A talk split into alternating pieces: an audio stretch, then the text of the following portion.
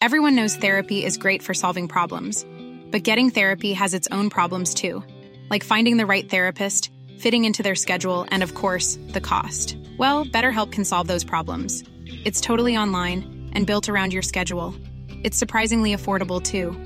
Connect with a credentialed therapist by phone, video, or online chat, all from the comfort of your home. Visit betterhelp.com to learn more and save 10% on your first month. That's BetterHelp H E L P.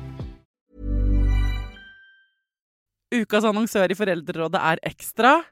Det er grillsesong. Endelig. Alle dere som har fulgt meg gjennom en lang vinter, vet at jeg har nesten strøket med av kjedsomhet. Men nå kan vi spise ute, vi kan leve ute, vi kan henge ute, og vi kan grille. Ekstra har sitt største grillutvalg noensinne, og hør godt etter nå. Her er en del av grillutvalget deres. Habanero-pølser, salsiccia-pølser, black aged pepper-pølser, cheesy bacon-pølser, beefy burger, cheesy burger, skinny burger, big beefy gourmet-burger, fiskeburger med hvitløk, fiskeburger med baconrødbet og søtpotetburger, soppburger, barbecue grillfilet, svinenakke med oregano og tomat, urtemarinert fårefilet, brisket, eller brisket som det egentlig heter, T-bone steak, flank steak, tomahawk, laksefilet med pesto, laksefilet med sitron, scampi med hvitløk og urter, crispy fiskeburger med ost, kyllingfilet med sitron og urter, kylling overlår, gyros, kyllingspyd, smoke, barbecue, lårfilet av kylling og entrecôte. Takk for meg. Dette er bare noen av produktene i Ekstra sitt største grillutvalg noensinne, og kommer bl.a. fra Norges mest prisvinnende grillserie, Grill Perfekt.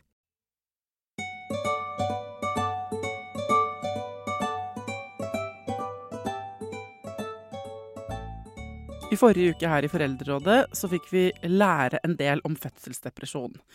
Hva som er tegn på depresjon, hva som er tegn på gråsonen liksom før det blir alvorlig. Eh, hvilke signaler du skal ta på alvor. Hvem som får det. Og denne uka så er fokuset på hva du kan gjøre. For hvor vanskelig er det å bli frisk igjen etter å ha hatt en fødselsdepresjon? Hvordan kan man skaffe seg den hjelpen man trenger? Hvis man går til psykolog, hva er det som skjer i det rommet? Hva er det man gjør i den terapien?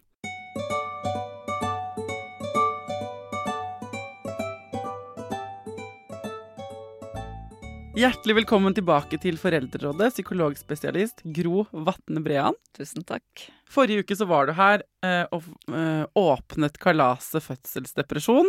Alle de vonde følelsene vi kan ha, alt strevet vi kan kjenne på.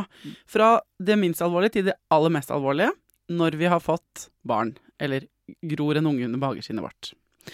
Og så avsluttet vi forrige episode med at uh, du skulle gå ut og lage en verktøykasse med alle triksene du kan som psykologspesialist for at de skal få det bedre. Mm. Ha, uh, har du med deg den verktøykassen? Har det vært noen tanker rundt den verktøykassen? ja, men bra. Som jeg kan prøve å dele. Så Gro eh, er spesialrådgiver i seksjon for sped- og småbarn ved RBUP øst og sør. Hun har skrevet eh, bøker, eh, altså hun er forfatter. Og så har hun eh, en privatpraksis ved Institutt for tokologi og familiepsykologi. Og er i styret i 1001 dager, Landsforeningen 1001 dager. Riktig. Så det er ikke småtterier. Eh, eh, hva skal vi gjøre når vi har det dritt eh, i forbindelse med å ha fått barn? Og det er jo så mange ting man kan gjøre. Og jeg, jeg har lyst til å begynne med liksom Jeg har lyst til å begynne med svangerskapet. At man allerede der kan man jo begynne å gjøre noe. Eh, Jeg nevnte forrige episode dette med angst og nytelse. At man må på en måte kunne kjenne på både det gode og det vonde i det å skulle bli foreldre. For det er helt normalt at man både er, er at man er redd, og at man kjenner at man kan være ja, kan man, man kan være vettskremt. Men man skal også kunne liksom ha litt sånn glede, litt, for, litt forventning. Og i, i Landsforeningen 1001 har vi blitt mer og mer opptatt av at man skal i løpet av svangerskapet også forberede seg til tiden etter fødsel. Ja. Ofte er man så gode til å forberede seg fram til fødsel. Man skriver fødeplan. Ja, ja, ja. Men hva med en barselplan? At man kan prøve sammen med partner å tenke hva trenger jeg egentlig etter at babyen min er født? Ja. Og hva, hva, trenger jeg av, hva trenger jeg av omsorg? Når jeg er sliten, hva pleier jeg da å trenge? Hvis jeg ikke får sove, hvordan skal jeg best mulig få sove? Ja. Eh, besøk, ikke besøk. Skal mormor komme? Skal svigermor komme? Ja. Søsken? Hva, hva vil, hvordan tror jeg at vi skal ha det best mulig et, etter fødsel? Og at man da kan begynne å tenke litt grann hva, hva trenger man. For det vi vet, er jo at søvn er helt avgjørende for å ikke bli alvorlig syk. Søvn er livsviktig. Ja. Ja. Samtidig som vi i løpet av mot slutten av svangerskapet og tiden etter fødsel har jo litt ekstra å gå på. Ja, okay. Så de fleste av oss tåler jo egentlig noen søvnløse netter. Men hvis de søvnløse nettene blir over lang tid, så er, er, er, det fare. Da blir vi veldig, veldig skjøre. Så det er liksom aller først tenke hvordan tror jeg jeg skal få sove best mulig, både i løpet av svangerskapet og i tiden etterpå. Ja. Og jeg syns jo jeg råder jo mange, mange mammaer bare til at liksom, bare det å vite at du på en eller annen måte kan få noe sammenhengende søvn, hvor babyen er trygt passet på, er viktig. I forhold til denne planleggingen du anbefaler i svangerskapet, uh, som høres kjempelurt ut, uh, uh, veldig lurt, kan det ikke, men kan det også være det, kan det tippe over til at man bekymre, da bekymrer seg enda mer? Det, det har, du, har, du, jo rett i. Hvis du skjønner hva jeg mener? Ja, absolutt. Så, men en, at man liksom har noe tid til å reflektere sammen da, med partner. Ja. Hva, hva, hvordan tror vi dette skal være? på en måte? Og har man vært da, er man i risiko for å bli, som vi snakket om forrige gang, har man liksom hatt, hatt mødre, søstre som har vært alvorlig psykisk syke i forbindelse med svangerskap og fødsel, så er det enda viktigere å virkelig Da må man lage en barselplan. Ja. For da er du i stor risiko. Og det, handler, det kan også handle om medisinering, f.eks. Altså, hvis man aldri har fått barn før, så vet man jo ikke hvordan man kommer til å reagere. Og jeg må innrømme at uh, for min del tenkte jeg jo sånn Ja, men det, høres, det der å sove når babyen sover, høres kjempelurt ut. Det, det kunne jeg bare glemme. Ja. For jeg måtte jo gå rundt ja. uh, hele tiden ja. og vugge uh, med væresel og alt mulig sånt for at han skulle sove. Så den, det var min plan for hvordan jeg skulle sove. og det, det, der når man ikke har vært gjennom det før, så har man jo noen for, uh, forestillinger, mm. og man har hørt ting fra venner, og man ser andre, og man får gode råd fra hist og pist. Og så kan det hende at alt det ikke, sant, ikke går. Absolutt.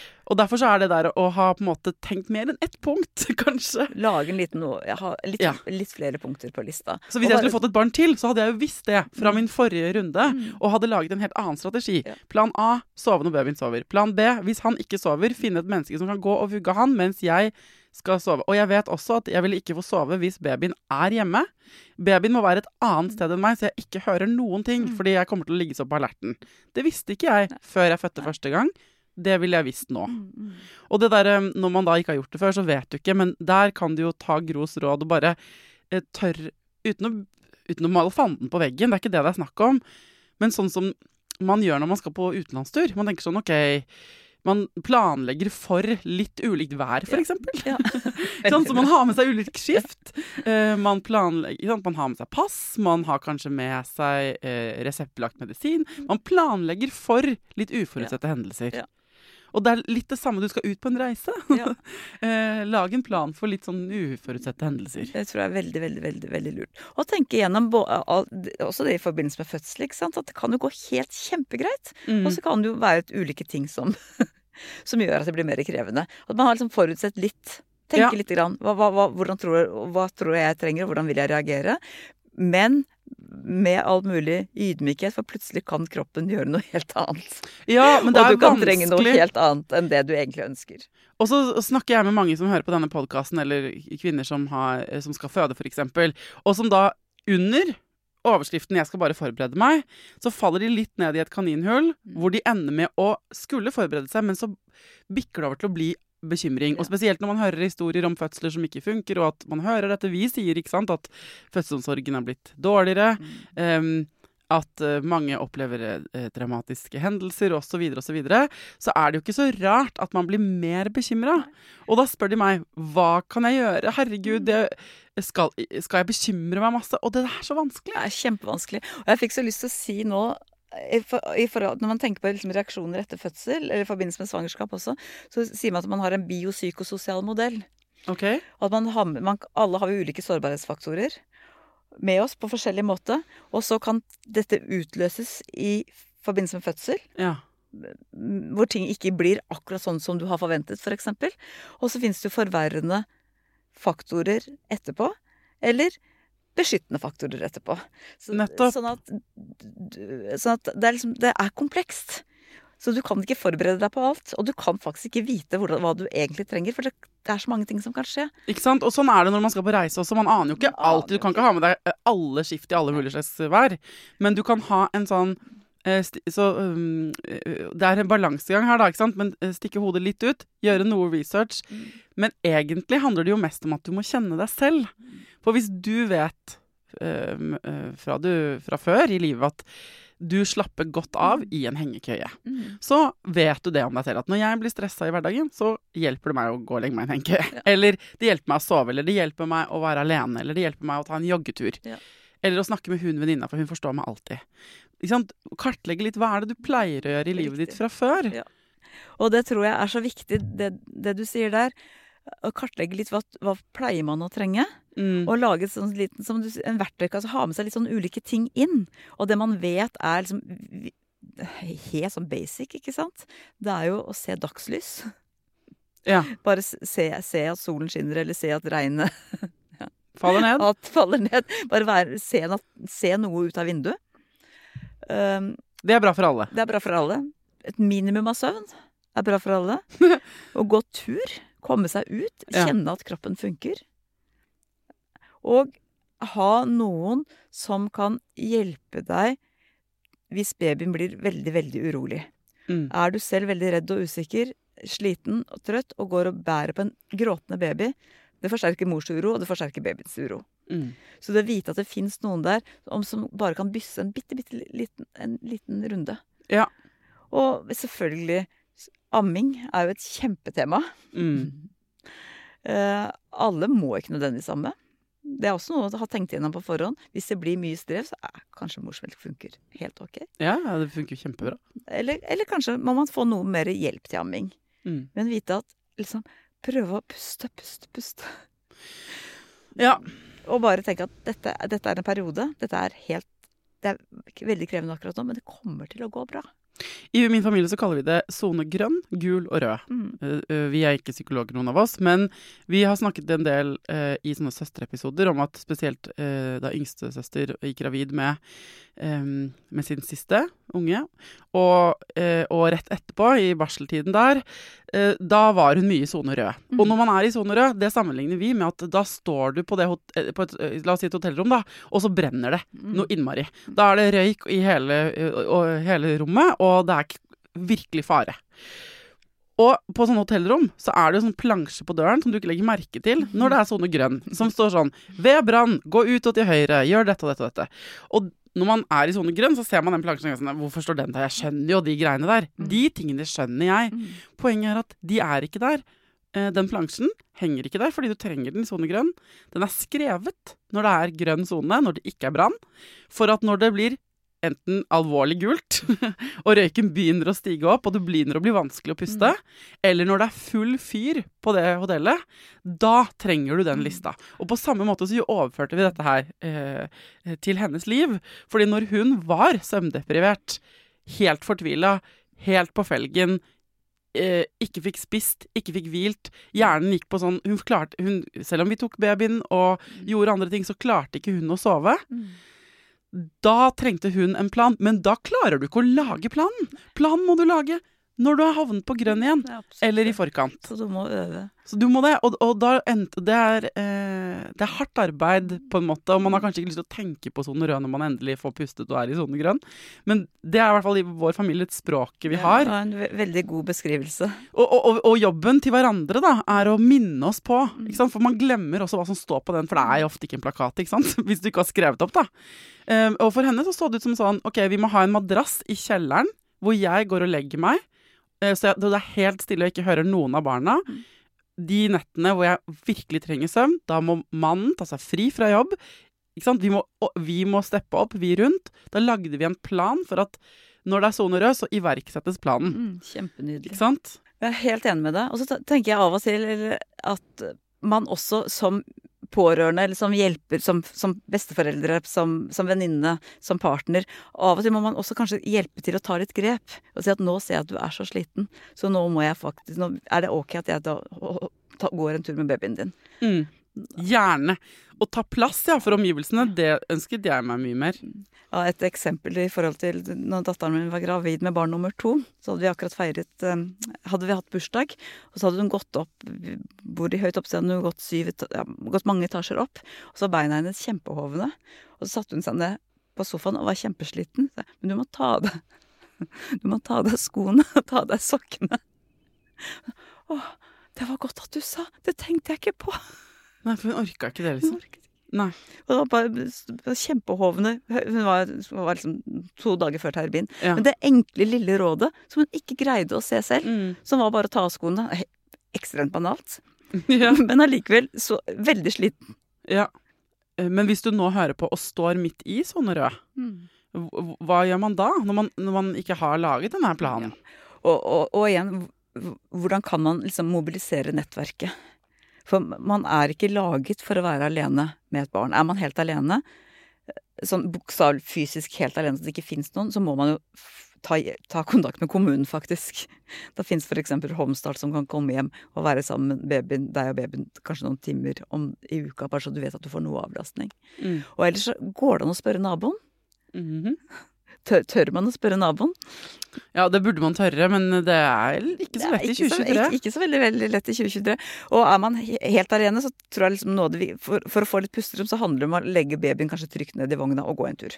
Mm. For å liksom roe Nøtta. For å roe når det, når det fyrer, fyrer alle, som aller mest. Mm. Har man en baby som da, som jo noen har hvis man er veldig stressa, så har man ofte babyer som ikke er så glad i å ligge i vognen. Mm. Går det an å binde på magen? Ja. Går det an å bruke bæresjal? Og så tenker jeg også eh, det er noe med å rydde vekk alt du ikke skal bry deg om. For at når du er i sone rød, så, så klarer du ikke å prioritere riktig ofte, er min erfaring. Så jeg kan bli veldig opptatt av Jeg blir mye mer opptatt av sånne dumme ting som sånn oppvasken, eller at jeg må huske å svare på en mail. Sånne ting som Hvis jeg hadde vært i sone grønn eller gul, så hadde jeg visst at det ikke var viktig. Mm. Jeg er bedre til å prioritere og tenke klart, Ja. men i sone rød så koker det veldig. Så det der å kanskje Hvor langt ned kan man senke, legge lista ikke sant, i forhold til å komme deg gjennom dagen? mm. Eh, og, og jeg tror jo at det også kan være en god hjelp når, når, når ting koker, at man har en sånn bitte lite grann struktur. Den bitte, bitte lille babyen har ikke noen struktur i det hele tatt. Men når babyen blir litt grann større, så kan man liksom forvente at, at en formiddagstur, at, man skal sove, at baby skal sove gjennom en formiddagstur. At man, man liksom får i seg en brødskive, kom, Mm. legger babyen i vogna, eller binde på magen, kom, og gå en tur halvannen times tid Mm. hvor babyen kanskje Da kan man forvente at babyen er litt rolig. Og så komme hjem, og så ha lunsj. At man har noen sånne ideer om hvordan dagen skal se ut. Ja. Som man jo har når man er på jobb.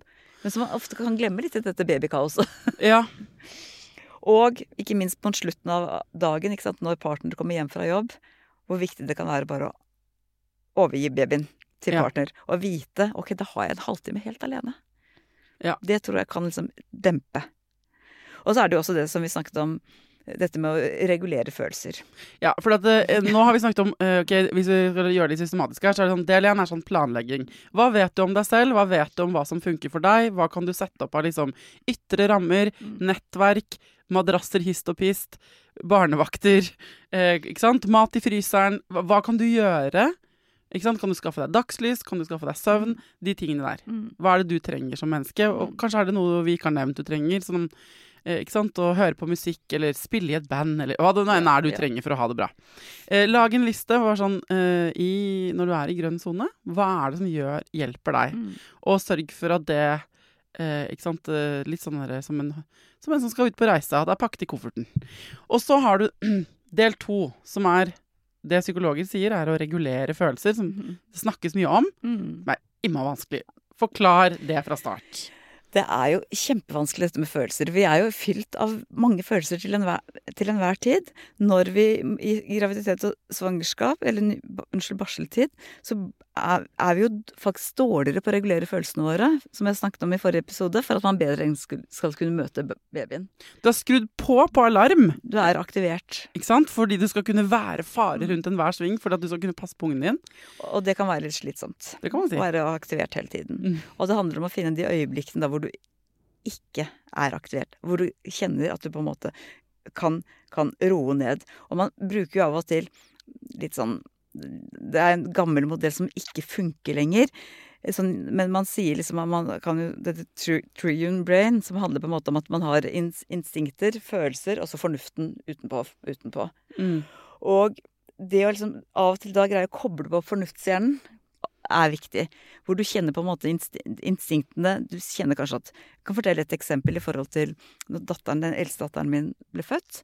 Så var det det, var det året det var størst krybbedød oh. krybbedød i, i, i, i, Norge. Og jeg var kjempe, kjemperedd for krybbedød. Så hver gang hun falt i dyp og god Falt i dyp og god søvn, som jo en baby skal gjøre, så ble jeg så redd, så jeg dro i, sno, eh, dro i smokken hennes. Og, og vekket henne? Og, og, vekket henne. For å være sikker på at hun levde. Ja. Og det var liksom instinktet mitt var, Det var sånn instinktivt. Jeg bare dro uten å greie å liksom jeg var redd. Kjente på, jeg må bare snappe, kjenne om hun puster, og så vekket jeg henne. Og så måtte jeg jo koble på fornuftshjernen. Ja. Jeg måtte jo kjenne på at hun må sove.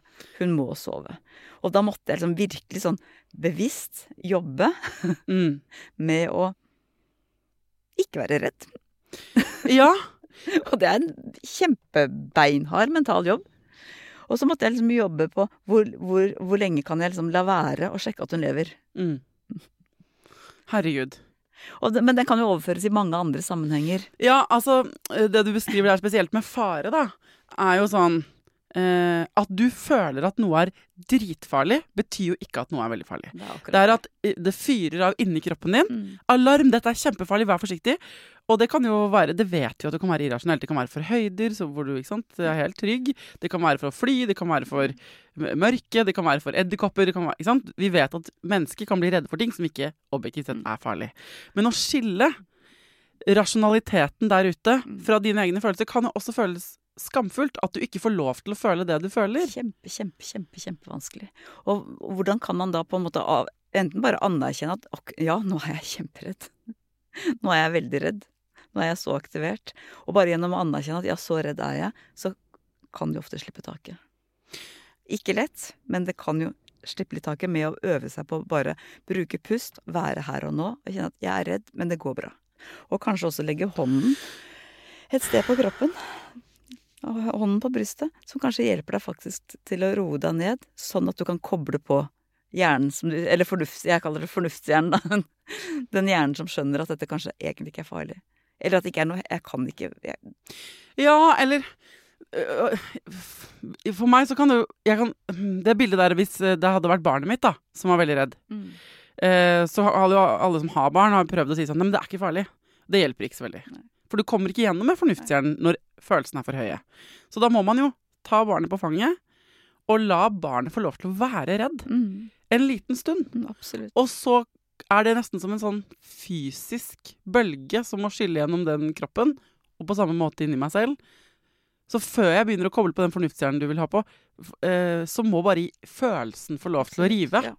Og da tenker jeg at pust og hånd det, okay. At, ikke sant? At da hvor vi hadde holdt og bysset et barn, en baby, da. Vi hadde bysset en baby. En mm. baby som er redd, eller en baby som er så, ha, inn i teppet bysser og bysser, liksom. ikke sant? Og den kan vi overføres til oss selv. Nettopp. Med å kanskje Kanskje skal rugge selv også. ja. Eller og så vet man også at det å legge hånden på brystet, eksempel, kan være med på å roe en selv, da. Fordi i fødselsdepresjon så er man jo eh, mye lei seg. Mm. Nedstemt. Mm. Eh, så det å ta imot de følelsene, da, hvordan kan det se ut?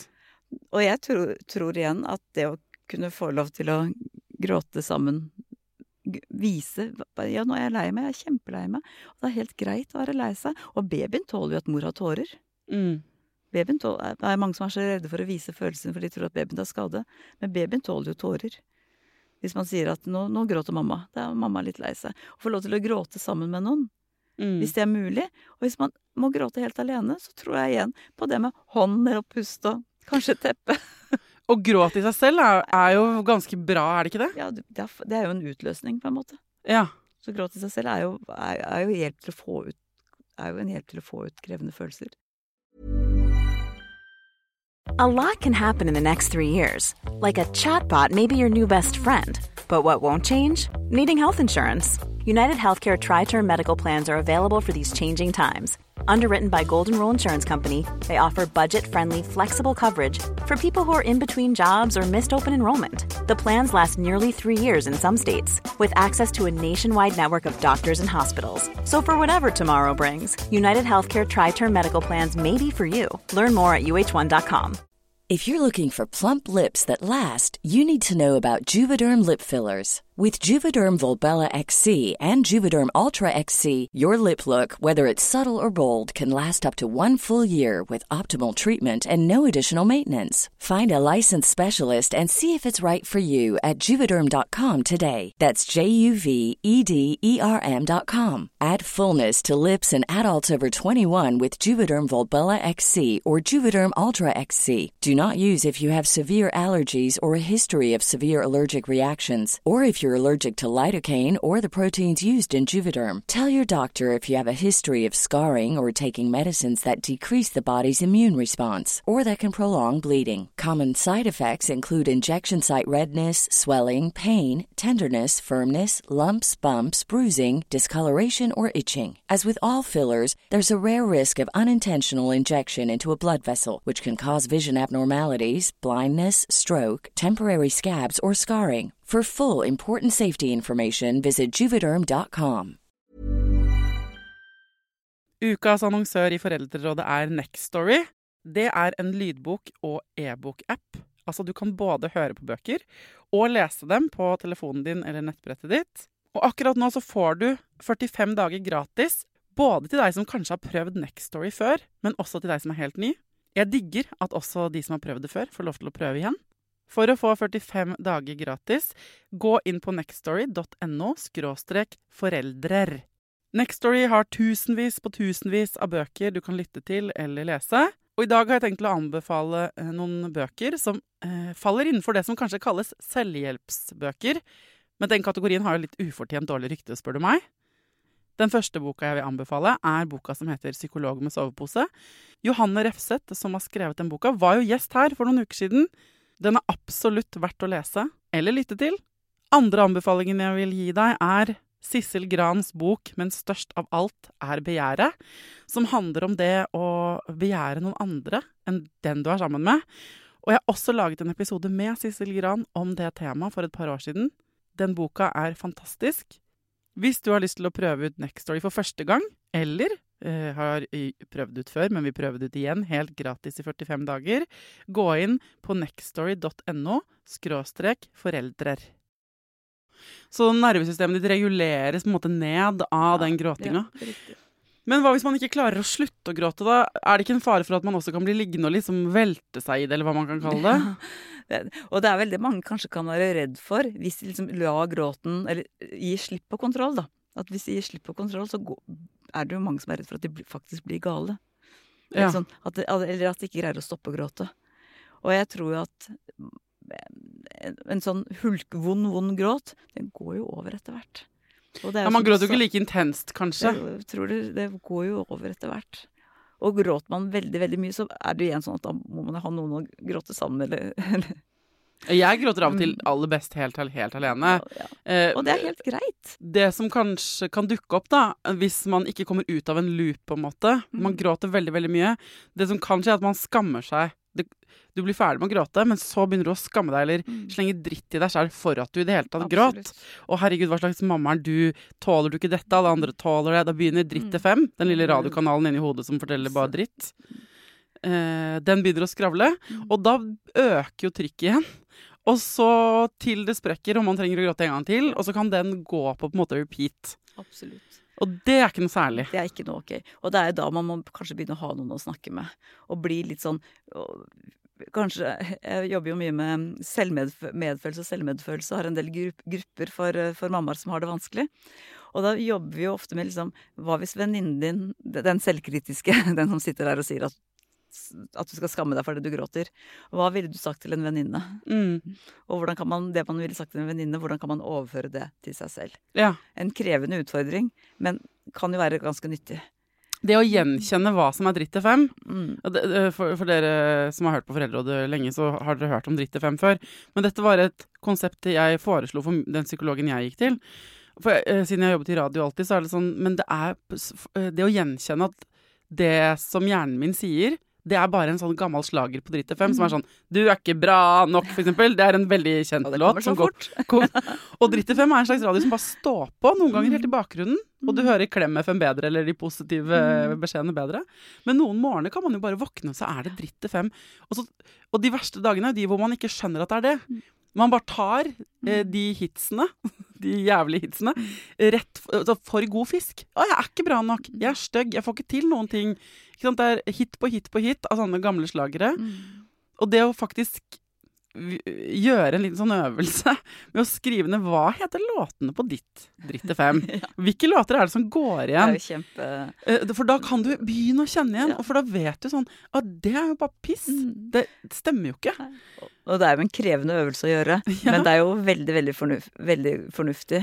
Og jeg sier jo av og til at man kan sette opp sånne litt sånn gode lapper. God nok, eller det Ja. går bra, eller litt sånn selfies, eller sette opp sånne lapper. Sånne positive Sånn, utsagn. sånn positiv, som faktisk også kan hjelpe deg. Man kan også skrive det ned i en bok. Hvis man øh, syns det er for vanskelig å si det høyt, så kan det være digg å bare få det på papir, for da kan du se. Da lager du på en måte en sånn distanse mellom hodet ditt og ja, jeg anbefaler veldig mange å skrive ut de vanskelige og vonde tankene. Ja. For du får, du får det liksom litt sånn ut fra deg, og du får en distanse, som du sier. Ja. Og det er jo også igjen, apropos gråten er, utløs, gråten er utløsning, men det å få ut all skiten ja, fy fader, få ut skiten. jo, og så gjør det jo også at det blir litt lettere å puste. Og det kan man også avtale med en venninne eller en søster. Sånn, jeg trenger bare nå å ventilere. Og jeg, min innboks er full av sånne meldinger folk har ventilert, og det tar de imot med en stor med, med åpne armer og stor entusiasme, egentlig. Få ut dritten. Men det krever jo mye mot. Ja. Så hvordan kan, vi, hvordan kan man øve seg på å få så mye mot? ja. Men man blir jo, ikke sant, mot Jeg føler jo at mot er jo å gjøre noe som er skummelt. Ja, absolutt. Ikke å gjøre noe du ikke syns er skummelt lenger. Nei. Så uh, mot får du av å gjøre ting du ikke tør. Så du må på en måte begynne med å ikke tørre. Og jeg tror sånn som vi snakker nå, på en måte, kan jo hjelpe Ja. kvinner til å tørre. Det er ingenting som er deiligere, syns jeg, i et fellesskap enn noen som bare sier sånn Åh, kan jeg bare få lov å si at jeg syns dette suger Altså blæ, blæ, blæ. At bare kommer med sånne hjertesuk. For det er ikke klaging. Klaging er sånn at man gjentar og gjentar og gjentar og gjentar og være negativ. Men sånne hjertesukk eller ventilering, det er noe helt annet. Helt annet. Og det føles ekte, og det føles bra. Mm. Det er så viktig. Og så tror jeg at sånn i sånn type barselgruppe, eller i akkurat den overgangen til moderskapet, da, så er det jo sånn at man har så lett for å sammenligne seg med andre. Mm. Og så ser man ikke den andres indre kaos. Nei, nei. Man ser bare den andres vellykkethet. Vær den første i den gruppa til å komme med et sånn blæ. Fordi at da skal Da du se at det løsner. Kommer det med flere? Ok, så i forhold til følelsesregulering, så har vi nå liksom, Du har flere strategier der. Jeg hang på noen av mine egne. Men er det noen sånn eh, ikk, som ikke krever at man skal prate og reflektere? Da tror jeg igjen på dette med, med, med, med pust. Trekke pusten dypt, trekke pusten dypt. Kanskje bare igjen se solen eller kjenne regnet. Kjenne noe mot kroppen din. Sanseinntrykk. Sanseinntrykkene kan Mm. hjelpe deg til å bryte og regulere en krevende følelse. Er det ikke noe med kaldt vann eller badstue eller sånn? Kaldt vann og varmt vann. Ja.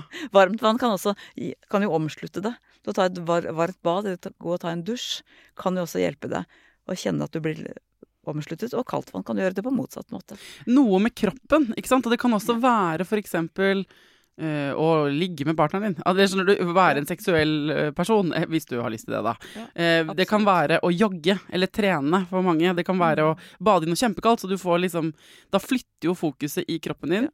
Sånn, du får ikke Dritt FM blir skrudd drastisk ned hvis du bader i isvann, på en måte. For du, da går du i panikkmodus på noe annet. Eh, eller ikke sant, å jobbe i hagen, eller gå eh, i sånn, Gjøre noe sånn med Og- kroppen. Og et veldig, veldig enkelt, enkelt råd også for å, også både for å forebygge og for å gjøre noe aktivt, det er jo når babyen sover, eksempel. Er jo ikke da løpe rundt og sette på oppvaskmaskin eller tenke på alt du skulle ha gjort, men faktisk sette deg ned med en kopp te eller en kopp kaffe, noe som er, noe som også, noe som er sanselig, da. En Mm. god kopp te. Og kanskje musikk, feel good-bok. Fylle deg med noe som bare er for deg. Mm. Du kan veldig gjerne vaske, sette på opp, oppvaskmaskiner og vaskemaskiner og brette tøy når babyen er våken. Eh, da, og da er vi tilbake til den prioriteringslisten. Ikke sant? Så, eh, hvis du da har laget en liste ikke sant, i sone rød, eller for sone rød, som er sånn husk disse tingene, så vil du bli helt forvirret da, når du er overveldet, og du, da glemmer du at du egentlig skal drikke den kopp teen, eller du har ikke noe lyst til det i det hele tatt, for den oppvaskmaskinen roper på deg. Det er da du skal høre på listen din. Ikke sant? Det er, Absolutt. det er derfor du ikke Du skal følge dine gode, egne gode råd fra da du var i grønn sone. Selv om de virker dumme! Ikke sant? For at du var klok da du vurderte. Og så kan du selvfølgelig endre på de tingene et, eh, etter hvert som det utvikler seg. Men hvis du er skikkelig, skikkelig overveldet og ordentlig lei deg og trenger å følelsesregulere, så kan det godt hende at det er vanskelig å sette seg ned og nyte en kopp te. Absolutt. Hvis det føles bra, gjør det, selvfølgelig. Ja, ja. Men, men jeg vil bare, til alle oss som ikke får det helt til sånn, ja. det, hvis, jeg er, hvis jeg er på gul, kan det funke. mm. Men hvis jeg er på rød, så må det hardere krutt til. ja, ja, derfor tenker jeg at tekopp, tekoppen kan være for å forebygge. Ja. Så det, Så er sånn at gul strategi. Ja. sånn gul strategi. Når det er rød, så må det nok en hardere strategi til. Og det er også viktig da å si at hvis du er på rød, ikke sant, og du kjenner at du at du virkelig, virkelig, virkelig har det veldig, veldig, veldig vanskelig, så skal du ikke være alene med babyen din. Nei. Da skal du ikke være alene med babyen. Er du redd for å være alene med babyen, kjenner du at du ikke mestrer hverdagen med baby i det hele tatt, så må du få noen til å hjelpe, være sammen med Mm. deg. Og bare det å vite at du slipper å være alene, kan jo gå, gjøre at du går fra rød til gul Ja. ganske fort. Og så er det ingen av oss som er like. sånn at når du hører dette her, du som, uh, sant, så kan, vil noen tenke sånn Å, dette er perfekt, dette er kjempebra råd. Og andre tenker sånn Dette funker ikke for meg i det hele tatt. Nei. Det der å gå på tur og badegreiene, det er bare piss. Det er ikke Ja. det jeg trenger å høre på. Hardrock og spise godteri. Ja, you do you. Så gjør det. Ikke sant? Fordi din uh, rød soneliste, eller din strategi, din plan for barseltiden, eller hva man skal gjøre, den er din. Ja, veldig, veldig viktig. viktig. Det er veldig viktig. For man kan alltid Man sammenligner seg med andre, og så ser man sånn Å, hun har sånn harmonisk testund, hun, når hun har det dritt. Mm. Mens jeg er stygg og sur og forbanna og har lyst til å knuse ting. Mm. Tenker sånn Ja ja, den derre der testunden, den Kanskje er hun bare i og gul, og kanskje er det bare på Instagram. Hun legger ut den. Det er akkurat det. Ja. Vi ser, vi ser hverandres vellykkethet og ikke hverandres indre kaos. ja. Veldig fort. Men jeg syns jo også det er viktig å liksom ta med der hvor man virkelig har Det er jo liksom en Man sier at det er en sånn Det er fra liksom ha lettere strev til veldig alvorlig strev. Og da er jo sone rød på lettere strev er jo Noe annet. er, er noe annet enn at man av og til må man virkelig ha profesjonell hjelp.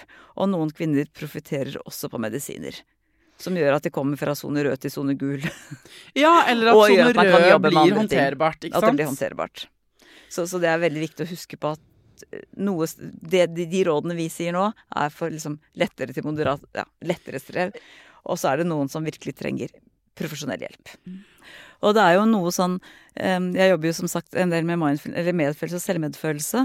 Og da er det jo no, no, En øvelse, da, er jo det å, at man på en måte erkjenner at noe er vanskelig. Og det kan være variere fra fra kvinne til kvinne, men erkjenne at dette er vanskelig, dette er strev. Og så er neste at alle mennesker har strev på ulike måter. Det er liksom allmennmenneskelig å ha det vanskelig innimellom. Livet er fylt av lidelse, Ja. og det er det ingen Det glemmer folk å fortelle oss om Ja, i det er faktisk ganske vanskelig noen ganger. Ja. Og når jeg har det vanskelig på denne måten, så trenger jeg. Ja. Og så prøve å bli litt sånn bevisst på hva, den, hva man trenger når man virkelig har det vanskelig. Mm. Det er krevende.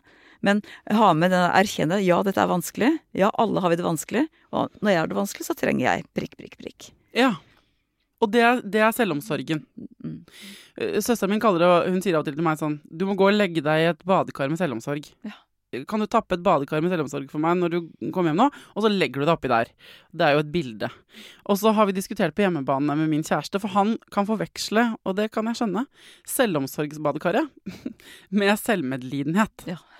Eh, bare, kunne du bare, uh, hva er forskjellen på selvmedlidenhet og selvomsorg? Jeg, jeg tenker det var en, Jeg tør ikke helt si at jeg har fasiten på det, men jeg, jeg tenker at selvomsorg er at du anerkjenner at noe er vanskelig. Og at du møter deg selv med respekt for det som er vanskelig. Men selvmedlidenhet er kanskje mer sånn at du, ikke, at du ikke har noen strategi for hvordan møte det. Mm. Og det blir så stakkars deg istedenfor ja, det det er vondt, ja, ja, det er synd på akkurat nå, men da kan jeg, da trenger jeg òg. Mm.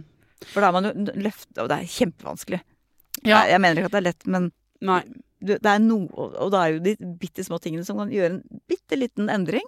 Og igjen så sier jeg at liksom, når, hvis man har en alvorlig, eller har en fødselsdepresjon eller fødselsreaksjon, så tenker jeg at liksom, man må begynne kanskje med å se på, kjenne på øyeblikkene av ro. Det går ikke fra null til 100. Du skal ikke naile dagen, du skal ikke få til alt.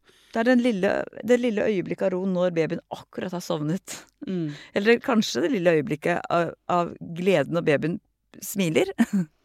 Mm. Eller den lille turen du kan gå rundt kvartalet hvor du er helt alene. Turen på butikken. Det, det, det vil ja. variere veldig veldig fra kvinne til kvinne hva ro. det trenger er ikke å være et sånn babyøyeblikk. Det kan være at den brødskiva smakte dritgodt. Ja, absolutt. Eller at, øh, for din del, da, at babyen din øh, ikke sov altfor tungt. At den Ja. levde, på en måte. Eh, men, men øh, ja, og det å samle på liksom øh, Det å tenke som det er greit å være lost. Det Mm. er OK å ha det Det er liksom Jeg har det vondt, men um, Ikke men. Og det er vondt. Mm. Og aksept, ha en slags sånn aksept for at sånn er det jo Sånn nå, er det akkurat nå. Og som vi pleier å si, en fødselsdepresjon, fødselsreaksjon, går jo alltid over. Det varer ikke evig. Gjør ingen fødselsdepresjoner det? Jeg Har aldri hørt om noen som er evig fødselsdeprimert. Nei. Bare sånn Nei, men kan det skli over til bare generell depresjon? det, har man en depresjon, har man en depresjon har man har man en sårbarhet for depresjon, så kan man jo få flere depresjoner etter hverandre. Mm. Ikke sant? Men, men, men, men da er det jo også viktig med medisinering. Ja. Eller, eller terapi som gjør at du, du kommer ut av det. Du er ikke evig deprimert heller. Det der å snakke om det i gåseøynene For noen så vrenger det seg litt når man sier det. Å, snakke om det, snakke om det. Jeg vil bare ha en løsning. Jeg orker ikke å snakke og snakke og snakke. Hvor, hvorfor hjelper det, eller hjelper det alltid, å snakke om det? det er interessant. Um, Det kommer jo an på hvordan man snakker om det. Ja. Og, det. og det å snakke om det betyr jo ikke at man skal grave seg ned i krevende, vanskelige, vonde følelser. Men kanskje snakke om det på en sånn måte som gjør at man får noe mer aksept for sine egne vansker. Mm. Og vi vet jo at for de aller fleste er jo det å sette ord på for seg selv og for andre noe som gjør at ting kan endre seg, på en måte. Det er veldig kjipt å høre når man har det vanskelig, at løsningen på det problemet ditt nå, når du har det vanskelig, er at du skal få mer aksept for at det blir vans er vanskelig. For det du er keen på, er å høre sånn øh, Å ikke ha det vanskelig. Mm. Uh, uh, du tenker sånn Nei, nei, jeg, dette er problemet mitt. Og jeg trenger løsningen, så ikke jeg har det problemet mer. Og så sier psykologer nei, løsningen er ikke å gi deg en løsning. Det er at du skal akseptere og tåle at du har det dritt. Og det blir jo sammenlignet igjen ikke sant, med å trøste et lite barn. Ja. Hvis du trøster et lite barn Ja, nå skjønner jeg at du har det vanskelig, nå ser jeg at du nå, ja, nå, Eller nå skjønner jeg at du er sint, da. Hvis en treåringen, en trassig treåring, nå skjønner jeg at du er sint. Ja, nå er du kjempesint. Det er helt greit å være sint. ja. Eller Også- redd. Eller redd. Eller redd. Og så går det jo over. Mm. På en eller annen måte. Og litt det samme er jo det å liksom anerkjenne sin egen redsel eller sin egen sine egne vanskelige følelser. Ved å anerkjenne de, så, blir det, så skjer det jo faktisk noe med de. Mm. Jeg sier ikke at det er lett, men det kan være litt, det kan være litt magi i det. Ja, det er jo litt sånn derre Hvis du er redd for et Hvis barnet ditt er redd for et spøkelse under senga, så kan du jo ikke ta vekk spøkelset under senga. For det, det er ikke noe spøkelse under senga. Nei. Det som er problemet, er at barnet er så redd. Mm. Ikke sant? Så det, er, det som er provoserende, bare, er at når du sitter og er søvndeprivert og kjempedeprimert og alvorlig syk, ikke sant? du har det veldig vondt, så er det ikke eh, så anerkjennende å høre at Men det er ikke noe spøkelse under senga, dette er bare inni deg. Men, øh, men det er jo fortsatt det du sier, da. Det der å liksom eh, bare få lov til å føle de følelsene ut. Ja, og, og, og det som jo også At det er jo ingens feil. Det er jo ikke din feil at du er redd for et spøkelse som ikke finnes. Nei. og det er ikke din feil at du er deprimert. Men det er bare sånn det er. Mm. Og da, ved å liksom OK, og vite at det går over en eller annen gang. Mm. hvis man får Hvis man Hjelp. får god hjelp til riktig tid. Ok, så for å oppsummere litt kjapt strategiene du, eller verktøyene du kommer hit med, da. Eh, det er helt vanlig å kjenne på det ene og det andre, dere, eh, når man får barn. Altså i livet sjæl, egentlig. Det er masse lidelse vi ikke snakker om at eh, vi skal gjennom. Eh, og når det gjelder eh, spesielt fødselsdepresjon, så er eh, Gros beste eh, råd eh, er i utgangspunktet å liksom, lag en slags barselplan. En plan for din egen, ditt eget ve og vel.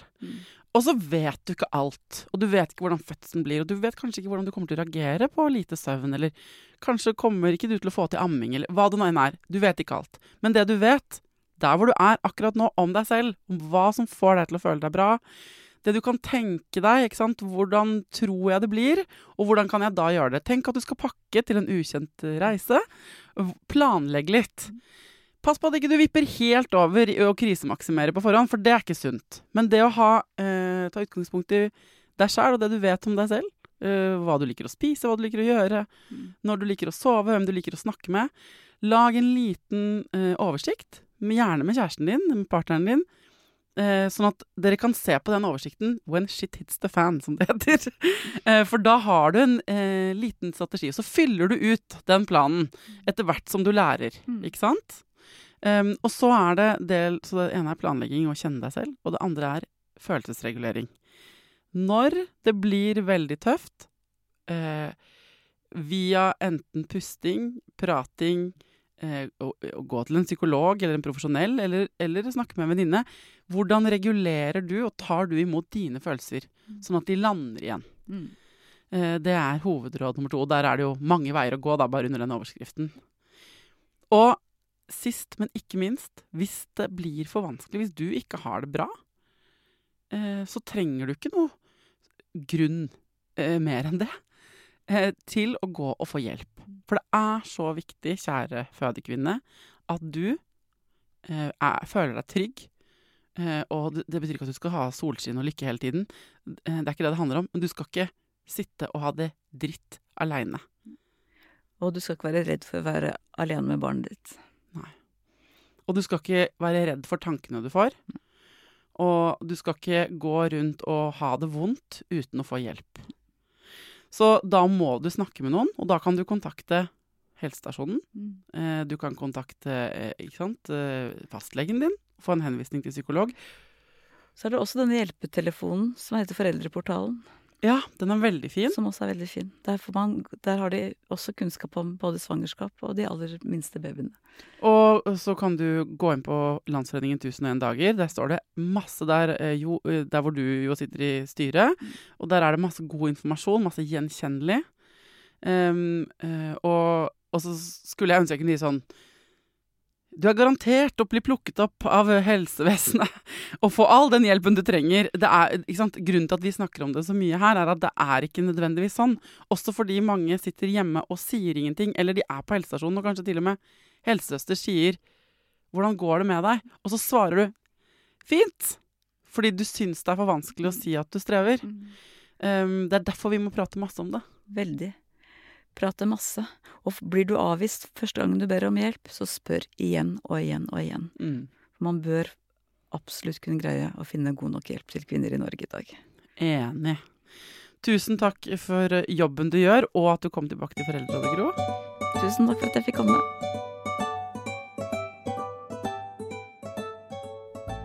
Nå har vi uh, hatt uh, sant, to ukers fokus på uh, fødselsdepresjon.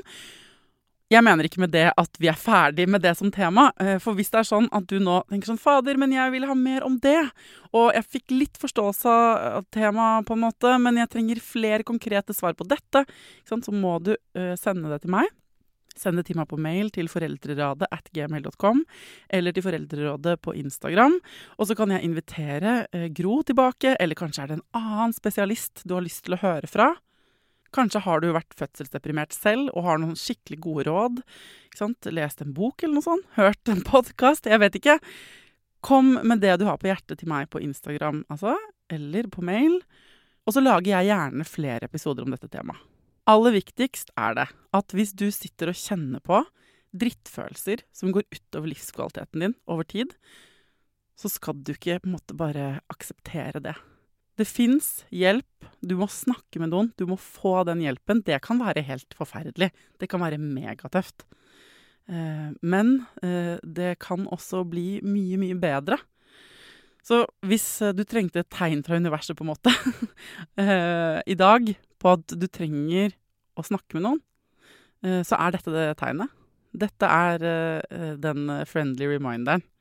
Jeg skulle selv ønske, nå 12 15, snart 13 år etter at jeg fødte min unge, at jeg hadde turt å være ærlig eh, på helsestasjonen når de spurte om jeg hadde det bra. Jeg tror eh, mange av de kjipe tankene jeg hadde de første årene, og mange, mye av de følelsene av at jeg ikke liksom strakk til, og at jeg ikke helt visste hvem jeg var, egentlig eh, er eh, Nå i etterpåklokskapens lys så var det en fødselsdepresjon. Um, så uh, hvis jeg kan hjelpe noen andre til å oppdage mens man er der, istedenfor å sitte liksom 13 år etter og være klok og uh, klok da, så vil jeg bare altså, take my advice. Vær så snill. Tør å logge inn i det, sjekke det ut, snakke med en lege, snakke med en helsesykepleier, snakke med en psykolog eller med en god venninne for den saks skyld, altså. Men bare ta det på alvor, for det er så innmari verdt det å få fanga det opp og få hjelp. OK? Til neste gang, ta vare på deg sjæl. Eh, ta vare på ungen din, og lykke til.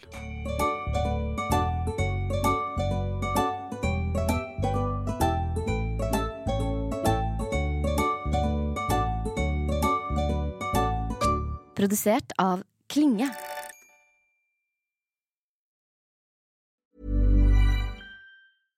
Imagine the softest sheets you've ever felt. Now imagine them getting even softer over time. That's what you'll feel with Bowl and Branch's organic cotton sheets. In a recent customer survey, 96% replied that Bowl and Branch sheets get softer with every wash. Start getting your best night's sleep in these sheets that get softer and softer for years to come. Try their sheets with a 30-night guarantee. Plus, get 15% off your first order at bowlandbranch.com. Code BUTTERY. Exclusions apply. See site for details. Planning for your next trip? Elevate your travel style with Quince. Quince has all the jet setting essentials you'll want for your next getaway, like European linen, premium luggage options, buttery soft Italian leather bags, and so much more. And is all priced at 50 to 80% less than similar brands. Plus, Quince only works with factories that use safe and ethical manufacturing practices. Pack your bags with high-quality essentials you'll be wearing for vacations to come with Quince. Go to quince.com/pack for free shipping and 365-day returns. Hi, I'm Daniel, founder of Pretty Litter. Cats and cat owners deserve better than any old-fashioned litter. That's why I teamed up with scientists and veterinarians to create Pretty Litter. Its innovative crystal formula has superior odor control and weighs up to 80% less than clay litter. Pretty Litter even monitors health by changing colors to help detect early signs of potential illness. It's the world's smartest kitty litter. Go to prettylitter.com and use code ACAST for 20% off your first order and a free cat toy. Terms and conditions apply. See site for details. This message comes from BOF sponsor eBay. You'll know real when you get it. It'll say eBay Authenticity Guarantee. And you'll feel it. Maybe it's a head turning handbag a watch that says it all, jewelry that makes you look like the gem, or sneakers and streetwear so fresh every step feels fly. eBay gets it. So look for the blue check mark next to that thing you love and be confident that every inch, stitch, sole, and logo is checked by experts. With eBay Authenticity Guarantee, you can trust that feeling of real is always in reach. Ensure your next purchase is the real deal. Visit eBay.com for terms.